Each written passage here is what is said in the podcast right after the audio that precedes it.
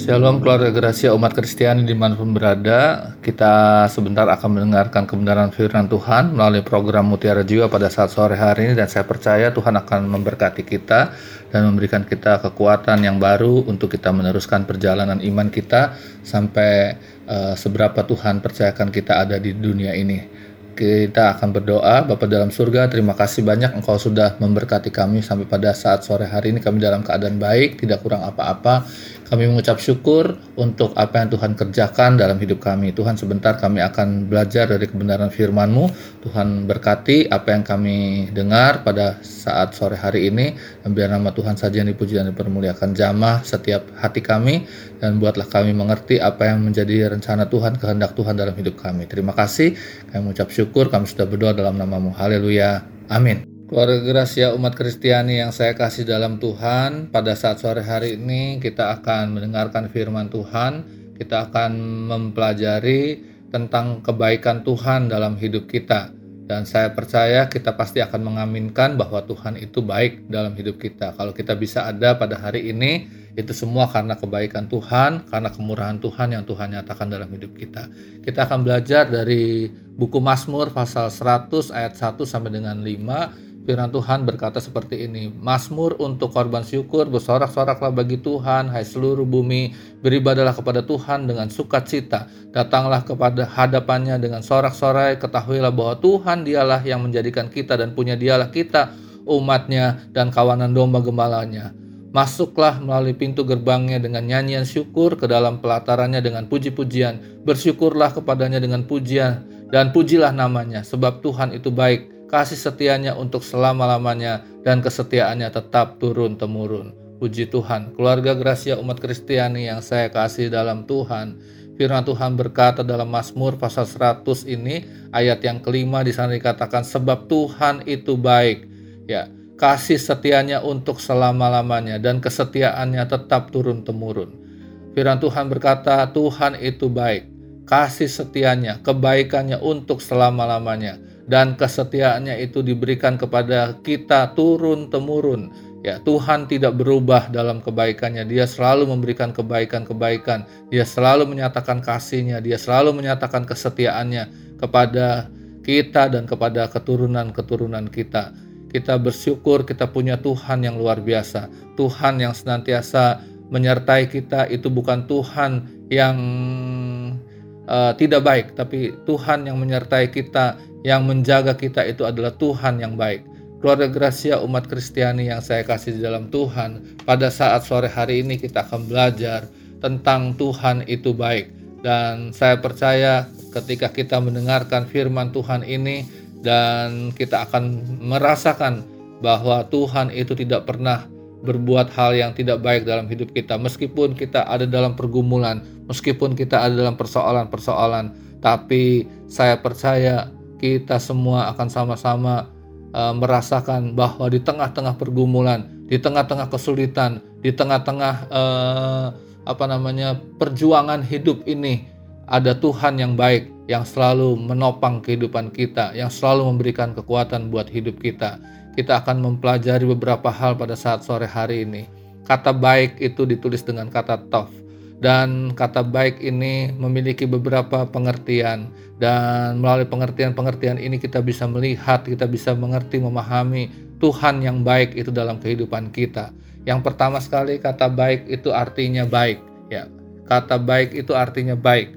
Di situ kita membaca, kita melihat bahwa baik itu artinya uh, patut, baik itu artinya elok, baik itu artinya tidak ada celanya keluarga Gracia umat Kristiani yang saya kasih di dalam Tuhan, di dalam Matius pasal 19 ayat yang ke-16 sampai dengan 17, uh, eh, cerita ini menceritakan tentang ada seorang muda yang kaya raya. Dia datang kepada Yesus dan dia menanyakan sesuatu mengenai kehidupan yang kekal. Dan Matius pasal 19 ayat 16 17 ini mengatakan ada seorang datang kepada Yesus dan berkata, "Guru, Perbuatan baik apakah yang harus kuperbuat untuk memperoleh hidup yang kekal? Jawab Yesus, apakah sebabnya engkau bertanya kepadaku tentang apa yang baik? Hanya satu yang baik. Tetapi jikalau engkau ingin masuk ke dalam ke dalam hidup, turutilah segala perintah Tuhan. ini orang muda, ini seseorang di sini dikatakan ya di dalam bagian yang lain nanti kita membaca bahwa itu adalah orang yang muda. Di situ dikatakan orang yang muda ini, orang ini datang kepada Yesus, dia berkata, "Guru, perbuatan baik apa yang harus aku perbuat?" Ya. Lalu kemudian di situ dikatakan Yesus menjawab, "Apa sebabnya engkau bertanya tentang apa yang baik? hanya satu yang baik ya hanya satu kata satu di sini menggunakan kata huruf besar artinya uh, hanya Tuhan yang baik ya kalau engkau ingin masuk ke dalam hidup yang kekal masuk ke dalam hidup maka turutilah segala perintah Tuhan perintah yang uh, dari Tuhan yang baik itu Nah, Markus pasal 10 ayat 17 sampai dengan 18 mengatakan pada waktu Yesus berangkat untuk meneruskan perjalanannya, Datanglah seorang berlari-lari mendapatkan dia dan sambil berlutut di hadapannya, ia bertanya, "Guru yang baik." Ya. Kalau tadi kita membaca guru perbuatan baik apakah? Kali ini kita membaca Markus mencatatnya guru yang baik. Apa yang harus kuperbuat untuk memperoleh hidup yang kekal? Jawab Yesus, "Mengapa kau katakan aku baik? Tak seorang pun yang baik selain daripada Tuhan saja." Keluarga gerasi umat Kristiani yang saya kasih dalam Tuhan, Yesus bilang tak seorang pun yang baik selain Tuhan saja. Eh, kita melihat orang ini datang berlari-lari tergopoh-gopoh menghadap Yesus, dia berlutut di hadapan Yesus dan dikatakan dia langsung berkata guru yang baik. Kita tidak tahu motivasi apa yang mendorong orang ini datang dan mengatakan guru yang baik. Tetapi yang jelas waktu Yesus mengatakan hanya Tuhan saja yang baik, artinya uh, Yesus sedang memfokuskan uh, orang ini, orang muda ini supaya dia hanya melihat kepada Tuhan saja yang baik ya. Keluarga gerasi umat Kristiani yang saya kasih dalam Tuhan, di dalam Injil Lukas pasal 18 ayat 18 sampai dengan 19 di situ juga dikatakan ada seorang pemimpin. Jadi rupanya orang muda ini bukan cuma kaya, bukan cuma punya harta yang berlimpah, tapi juga orang ini adalah pemimpin, seorang pemimpin. Bertanya kepada Yesus, katanya, "Guru yang baik, apa yang harus aku perbuat untuk memperoleh hidup yang kekal?" Jawab Yesus, "Mengapa kau katakan aku baik? Tak seorang pun yang baik selain daripada Tuhan saja." Keluarga Gracia umat Kristiani yang saya kasih dalam Tuhan. Uh, di sini dikatakan hanya Tuhan saja yang baik. Pada Tuhan itu tidak ada celah, pada Tuhan itu ada segala sesuatu yang elok, pada Tuhan itu ada segala sesuatu yang patut. Dan kita bersyukur kalau kita punya Tuhan yang tidak ada celahnya, Tuhan yang sempurna, Tuhan yang luar biasa baiknya, Tuhan yang sempurna kebaikannya. Itu sebabnya mari kita sungguh-sungguh kepada Tuhan ya. Di dalam pergumulan kita, di dalam persoalan-persoalan yang kita hadapi, ada begitu banyak tantangan yang kita jumpai di dalam perjalanan hidup kita ini, tapi jangan lupa ya bahwa ada Tuhan yang baik. Tuhan yang kita sembah itu Tuhan yang baik. Tuhan yang tidak pernah meninggalkan kita. Tuhan yang selalu menyediakan segala keperluan kebutuhan kita. Tuhan tidak selalu memberikan apa yang kita minta, tetapi Dia memberikan apa yang kita butuhkan, kita, kita perlukan dalam hidup ini. Keluarga rahasia umat Kristiani yang saya kasih dalam Tuhan, pada hari ini kita melihat yang pertama sekali uh, baik itu artinya patut, elok, tidak ada celahnya. Baik itu artinya Tuhan kita itu Tuhan yang sempurna kebaikannya. Tidak seperti manusia yang kebaikannya itu menuntut balas. Kebaikan Tuhan tidak menuntut balas. Kebaikan Tuhan diberikan secara persuma, secara cuma-cuma kepada kita dan kita harus uh, menerimanya dengan sukacita akan segala kebaikan Tuhan Hari ini kita bisa ada, hari ini kita bisa dalam keadaan baik, hari ini kita bisa dalam keadaan sehat. Itu karena kemurahan Tuhan, karena kebaikan Tuhan yang dicurahkan bagi kita sekalian. Keluarga Gracia umat Kristiani yang saya kasih dalam Tuhan. Bagian yang kedua, kata baik itu artinya makmur. Ya, artinya makmur. Makmur di sini menunjuk kepada arti serba cukup, ya, tidak kekurangan cukup untuk kebutuhan dasar. Seringkali ketika kita berbicara tentang makmur, maka yang ada di dalam benak kepala kita yaitu hidup yang mewah, hidup yang glamor, hidup yang yang rumahnya bagus, rumahnya mewah, mobilnya banyak, mobilnya bagus-bagus, punya pembantu yang banyak, hidup jadi lebih mudah dan lain sebagainya. Ya uangnya banyak, ya mau pergi ke mana saja bisa, kita sebut itu sebagai makmur yang ada dalam benak pikiran kita, tetapi Alkitab menunjuk kepada kita kata baik itu menunjuk kepada kata makmur yang artinya cukup ya serba cukup. Kita cukup makan, cukup pakaian, cukup tempat tinggal, ya. Cukup kebutuhan dasar. Kebutuhan dasar kita makan, minum dan pakaian, lalu tempat tinggal. Tempat tinggal mungkin kita masih ngontrak, tetapi itu Tuhan sediakan buat kita. Kita harus bersyukur untuk hal itu ya. Makan meskipun sederhana, tapi makanan itu diberkati sama Tuhan, itu menjadi kekuatan buat tubuh kita ya. Kita bisa makan, minum dan lain sebagainya ya. Dalam keadaan cukup, tidak sampai kelaparan. Itu artinya kita diberikan oleh Tuhan kebaikan Tuhan. Tuhan berikan kita makmur ya Keluarga Gracia umat Kristiani yang saya kasih dalam Tuhan. Matius pasal 6 ayat 26 Yesus berkata seperti ini. Pandanglah burung-burung di langit yang tidak menabur dan tidak menuai dan tidak mengumpulkan bekal dalam lumbung, namun diberi makan oleh Bapamu yang di sorga. Bukankah kamu jauh melebihi burung-burung itu? Yesus bilang, pandanglah burung-burung di langit. Ya, kamu bisa membandingkan burung-burung di langit dengan dirimu di situ dikatakan, bukankah kamu itu jauh melebihi burung-burung yang kamu lihat di langit itu? Ya. Mereka itu tidak menabur, tidak menuai, tidak mengumpulkan bekal dalam lumbung, namun diberi makan oleh Bapakmu yang di sorga. Lalu kenapa kamu menjadi khawatir dengan makananmu, dengan minumanmu, dengan pakaianmu, dengan tempat tinggalmu? Ya. Yesus bilang, Aku yang menyediakannya bagimu. Aku yang membuatnya cukup, aku yang membuatnya kamu tidak kekurangan. Dalam buku Mazmur, pemazmur berkata, singa muda boleh kelaparan, tetapi orang-orang yang percaya kepada Tuhan itu tidak dibiarkannya kekurangan. Tuhan berikan cukup, ya. Tuhan berikan makmur, cukup, cukup untuk kebutuhan dasar. Diberi makan, diberi minum, diberi pakaian, sandang, pangan, ya. Dan diberikan juga tempat tinggal, ya. Keluarga gerasi umat Kristiani yang saya kasih dalam Tuhan, kita membaca dalam Lukas pasal 12 ayat 24, perhatikanlah burung-burung gagak yang tidak menabur dan tidak menuai dan tidak mempunyai gudang atau lumbung, namun demikian diberi makan oleh Tuhan. Betapa jauhnya kamu melebihi burung-burung itu. Sekali lagi, dari Lukas mencatat uh, Yesus mengatakan, coba kamu bandingkan dengan burung yang kamu lihat di langit itu. Dan di situ dikatakan di dalam Injil Lukas, dia mencatat secara spesifik bahwa burung yang di langit itu adalah burung-burung gagak. Keluarga gerasi umat Kristiani yang saya kasih dalam Tuhan, burung gagak itu burung yang termasuk tergolong burung yang najis. Ya. Tapi kita membaca, meskipun dia najis, meskipun burung ini adalah burung yang hina, burung yang tidak boleh dimakan, ya, haram, ya, hukumnya. Tapi kita melihat, meskipun burung-burung di langit ini, ya, yang disebut gagak ini najis, hina, tidak bisa digunakan, ya. Tapi kita membaca ternyata Tuhan memakai mereka, ya. Kalau keluarga gerasi umat Kristiani membaca dalam satu Raja-Raja pasal 17 ayat 1 sampai dengan 6, di sana Tuhan pakai burung gagak ini untuk memelihara Nabi Elia di tepi sungai Kerit. Membawa daging, membawa ya makanan untuk supaya uh, Nabi Elia ini terpelihara. Yang saya mau katakan kepada keluarga Gracia umat Kristiani di mana pun berada, sehina-hinanya engkau, setidak diperhitungkannya engkau oleh manusia, Tuhan itu bertanggung jawab atas hidupmu. Ya, Tuhan itu selalu menjaga dan melindungimu.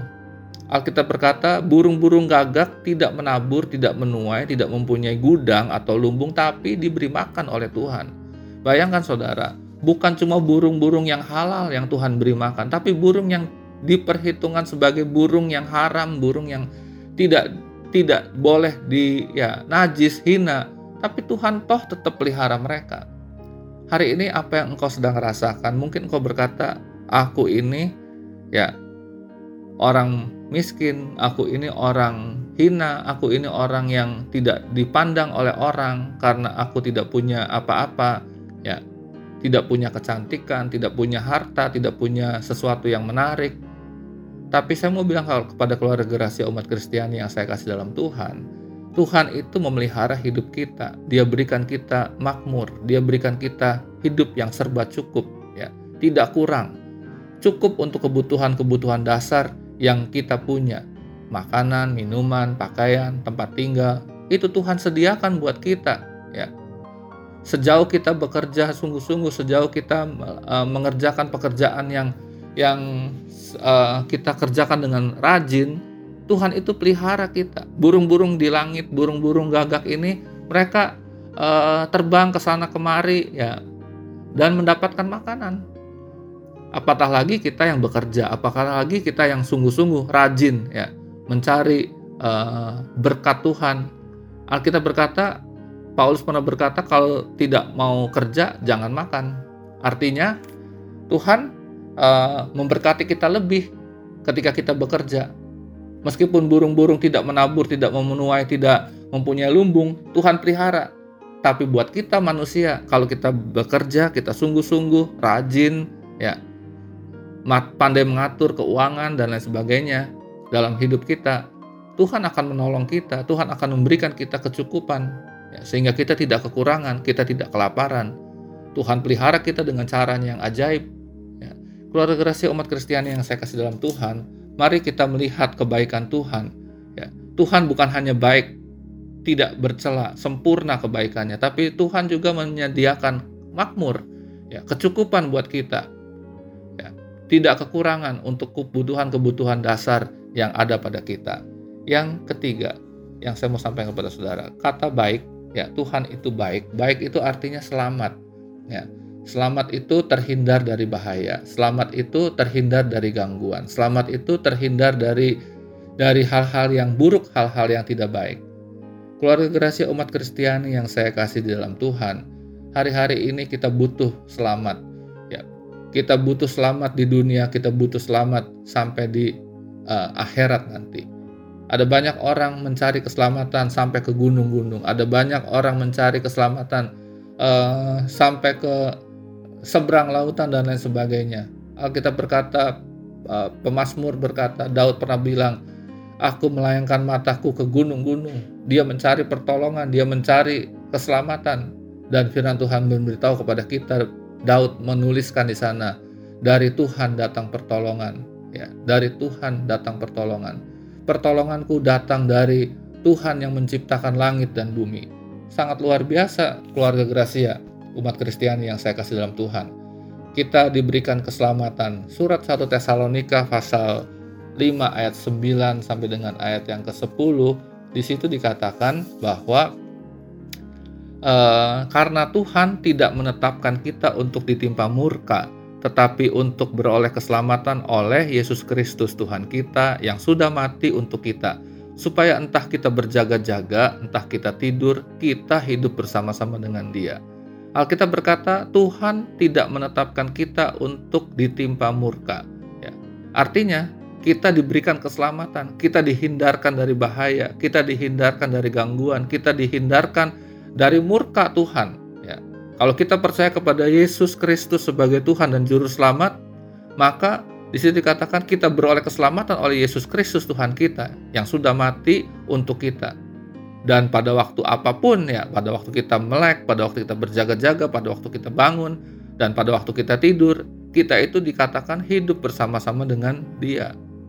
Itu sebabnya Tuhan tidak menimpakan ya, tidak menetapkan kita ditimpa murka. Kita dihindarkan dari gangguan, kita dihindarkan dari mara bahaya, kita dihindarkan dari hal-hal yang buruk.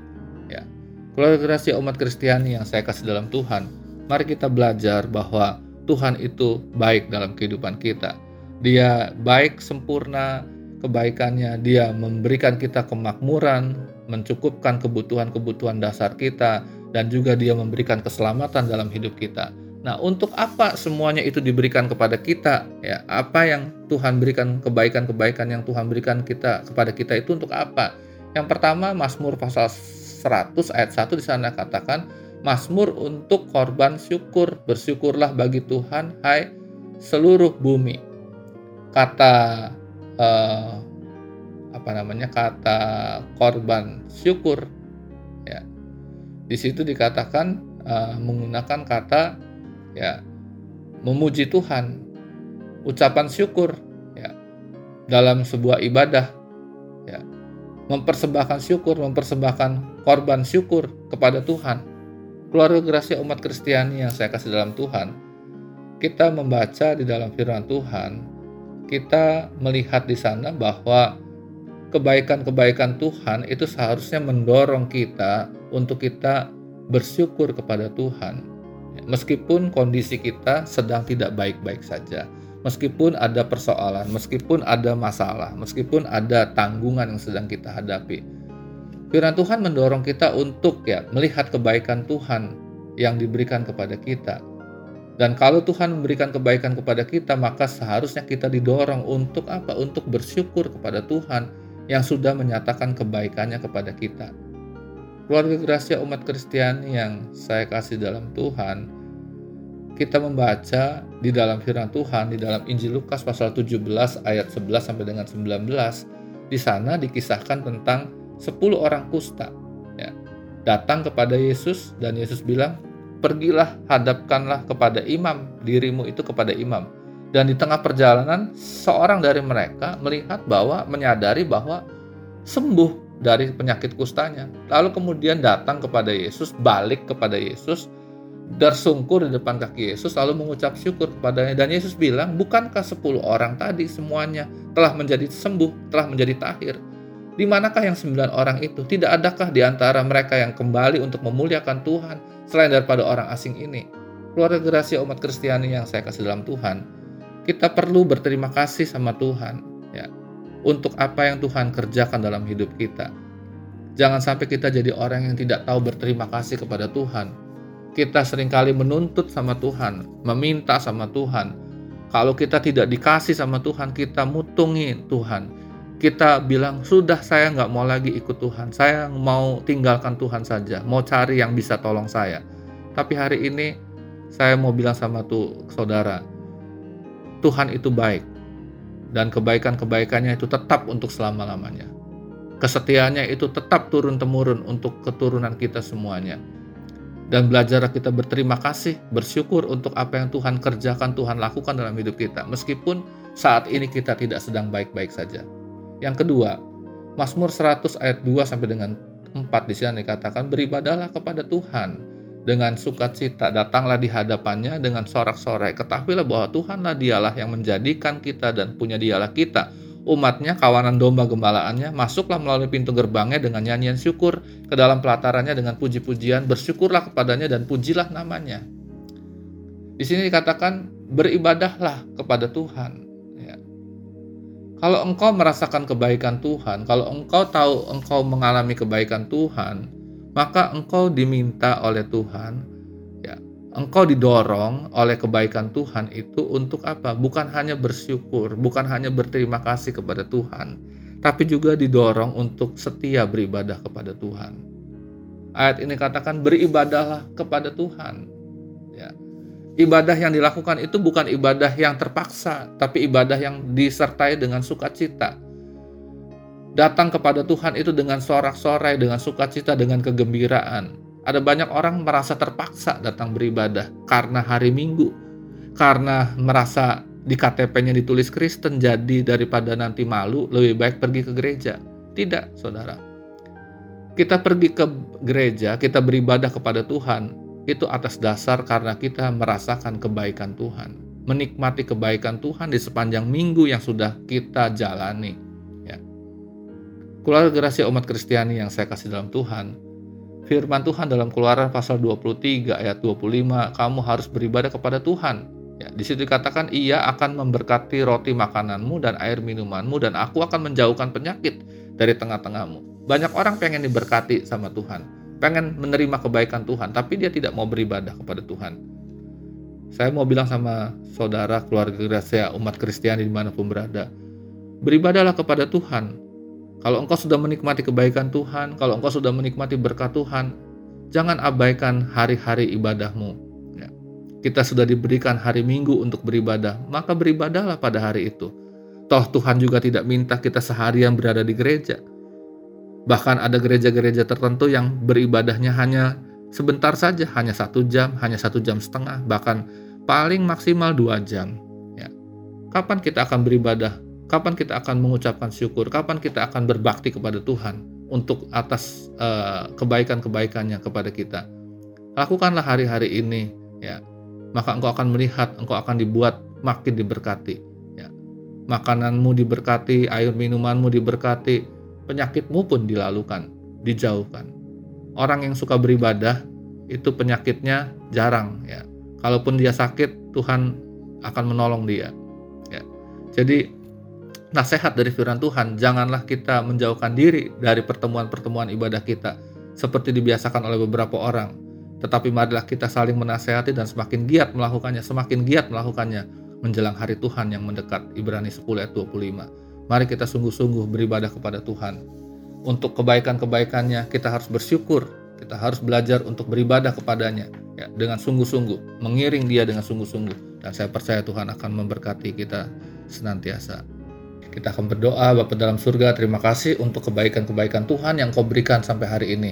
Meskipun kami menghadapi berbagai macam pergumulan dalam kehidupan kami, tapi kami tahu Engkau tetap baik, Engkau tetap uh, Tuhan yang luar biasa, yang selalu mendampingi kehidupan kami, dan biarlah Tuhan tolong kami agar kami dapat beribadah kepada Tuhan dengan sungguh-sungguh, karena kami tidak dapat membalas segala kebaikan Tuhan yang Tuhan sudah berikan dalam hidup kami. Sembuhkan yang sakit, hidurkan yang susah, kuatkan yang lemah, dan berikan kemenangan buat mereka yang sedang dalam pergumulan dan nama Tuhan saja yang dipuji dan permuliakan berkati radio suara Gracia yang menjadi mimbar bagi hamba-hamba Tuhan untuk menyampaikan kebenaran firman-Mu dan biarlah melalui radio suara Gracia program Mutiara Jiwa ini banyak jiwa diberkati dan kami boleh dipuaskan oleh kebenaran firman Tuhan dan kami boleh menikmati anugerah Tuhan melalui firman Tuhan yang diberitakan. Terima kasih banyak Tuhan. Kami mengucap syukur. Kami sudah berdoa dalam namamu. Haleluya. Amin.